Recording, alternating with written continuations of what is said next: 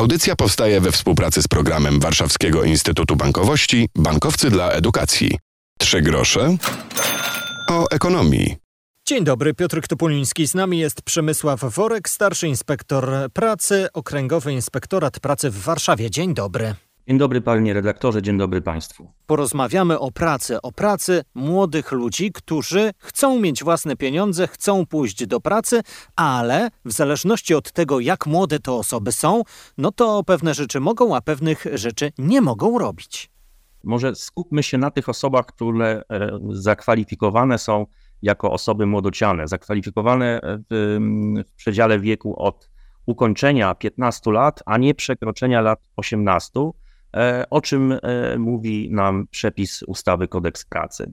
I takie osoby mogą być zatrudnione e, przez pracodawców, szczególnie w tym okresie takiego zwiększonego zapotrzebowania w branżach takich jak turystyka, gastronomia, właśnie w okresie tym wakacyjnym czy, czy, czy ferii zimowych, ale mamy okres wakacji, więc, więc właśnie w tym okresie takie zwiększone zapotrzebowanie jest a też młodzi ludzie chcą e, dorobić czy zarobić e, na wakacje i to, to się chwali.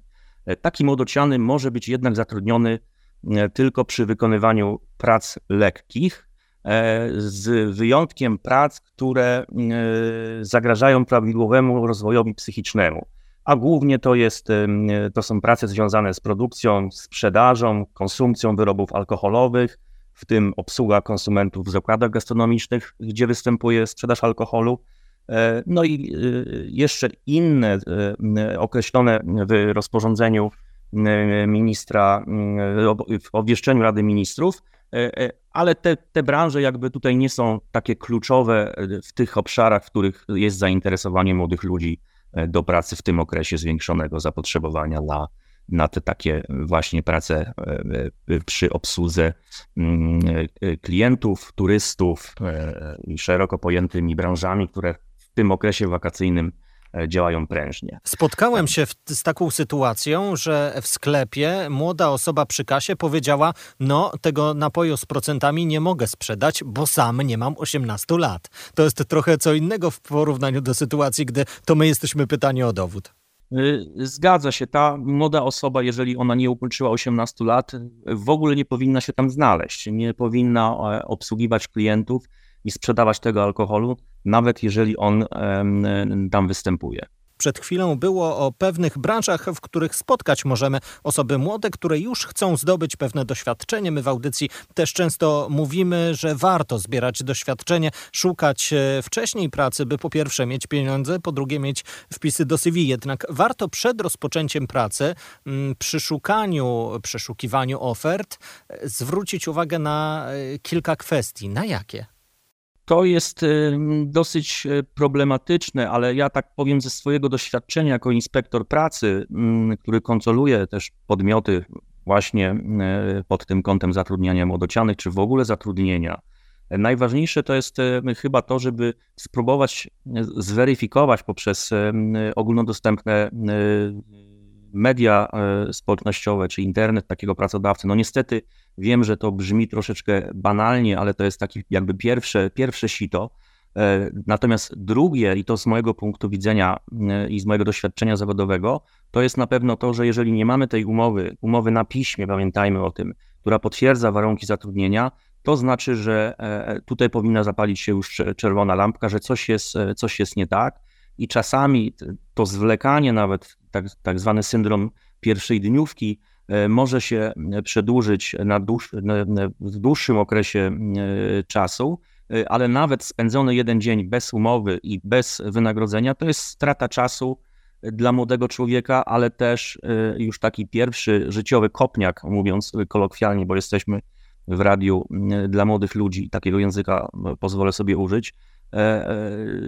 Budzi to pewnego rodzaju taką niechęć do, do, do rynku pracy, i do, do, do tego, że no nie zawsze pracodawca działa fair. No tak to niestety jest e, skonstruowane. Ta patologia jest coraz mniejsza, ale jeszcze występuje. I tutaj przede wszystkim, i na to należy zwrócić uwagę, umowa. Nie ma umowy, dziękuję, y, wychodzę. I odpuszczam sobie, szukam rzetelniejszego pracodawcy. A gdy spotkamy już takiego, bo tak jak przed chwilą wspomnieliśmy, to patologie i to się zdarza, jednak już e, częściej jednak spotykamy się z tym, że mamy papiery do podpisania, to co w takich umowach powinno się znaleźć? Jakie informacje?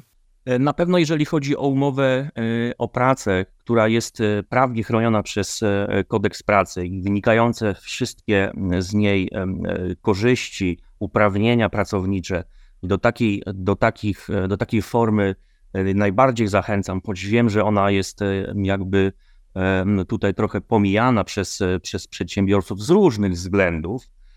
Natomiast na pewno ta umowa o pracę to jest kluczowa, bo ona nas chroni w, jakby w takim pełniejszym zakresie niż umowa cywilnoprawna, bo tutaj różnica polega na tym, że umowa o pracę jest, jak wspomniałem, prawnie chroniona przez ustawę kodeks pracy i wynikające wszystkie z niej e, uprawnienia e, i warunki, czyli e, miejsce pracy, wynagrodzenie, bo to jest naj, chyba najistotniejsze, rodzaj pracy, ilość godzin do przepracowania, czyli tak zwany wymiar czasu pracy, wynikające również z tego uprawnienia pracownicze, typu urlop wypoczynkowy, przerwy w pracy. I to, jest, to są te istotne elementy, na które trzeba zwracać e, uwagę, i ta umowa o pracę to nam gwarantuje. Tak przy umowach e, cywilnoprawnych, głównie przy umowach zlecenie w obrocie takim społecznym nazywane umowami śmieciowymi, bo tak też, bo tak też to trochę wygląda to one w zasadzie no, nie gwarantują nam e, takiej ochrony jak umowa o pracę, a spory wynikające z, mm, z niedotrzymania przez stronę, głównie przez zleceniodawcę tych warunków dla tego młodego człowieka, rozstrzygają sądy. E, I to jest czasochłonne, pracochłonne i wymaga trochę szerszej wiedzy, ale też i zaangażowania czasowego. Tak więc umowa o pracę e, w tych warunkach pracy i warunkach prawnych są y, roszczenia regulowane w głównej mierze przez naszą instytucję, czyli Państwową Inspekcję Pracy, natomiast umowy cywilnoprawne, no niestety, e, raz, że one nie wymagają formy pisemnej, to dwa, roszczenia tylko sąd pracy, co jest dla takiego młodego człowieka zniechęcające i częstokroć e, młody człowiek odpuszcza. Jeszcze zostanę może przy tej umowie i może zachęćmy młodych do tego, żeby również o tej kasie rozmawiać z przyszłym pracodawcą. To również musi się gdzieś na umowie znaleźć, za ile my tę swoją pracę będziemy wykonywali. Tak, zgadza się. W Polsce e, obowiązuje e, stawka minimalna z tytułu wykonywania pracy za jedną godzinę, to w przypadku właśnie umów e, cywilnoprawnych e, i tak zwana płaca e, minimalna. W chwili obecnej, jeżeli chodzi o stawkę godzinową dla umów cywilnoprawnych, to jest 23 zł 50 groszy brutto, czyli to nie jest to, co dostajemy na rękę, tylko z wszystkimi opłatami. To wychodzi gdzieś koło 20-21 zł na rękę. E, natomiast jeżeli e, chodzi o mm, e, wynagrodzenie minimalne, to od 1 lipca tego roku na umowie o pracę pracownik powinien otrzymać ponad 2780 zł netto. To jest mm, płaca na rękę. E, natomiast na umowie, bo zwykle określa się e, tą pracę, e, tą, to wynagrodzenie w wysokości brutto, czyli z wszystkimi innymi podatkami i składkami na ZUS, to jest 3490, 3000, przepraszam, 600 zł brutto. Na od, pierwszego, od 1 lipca. Tak jest i to się też zmienia co kilka miesięcy, o czym będziemy również e, przypominali. E, trochę na koniec naszej rozmowy e, spytam jeszcze o to, że wszystko co dobre kiedyś się kończy, wakacje również, również młody człowiek, który teraz gdzieś pracuje, czy w restauracji, czy w hotelu, wróci do szkoły. To rozumiem, że gdy rok szkolny się zacznie, wakacje się skończą, to być może w jakiś sposób dałoby się pogodzić to zdobywanie doświadczenia ze zdobywaniem wiedzy w szkole. No i tutaj jest właśnie taka sytuacja, że osoba, która e, e, ukończyła 15 lat, a nie ukończyła 8-letniej szkoły podstawowej, może być zatrudniona na wniosek przedstawiciela ustawowego lub opiekuna, może e, być zawarta umowa o pracę w celu przygotowania zawodowego. I to jest, to odbywa się w formie przyuczenia do wykonywania określonej pracy.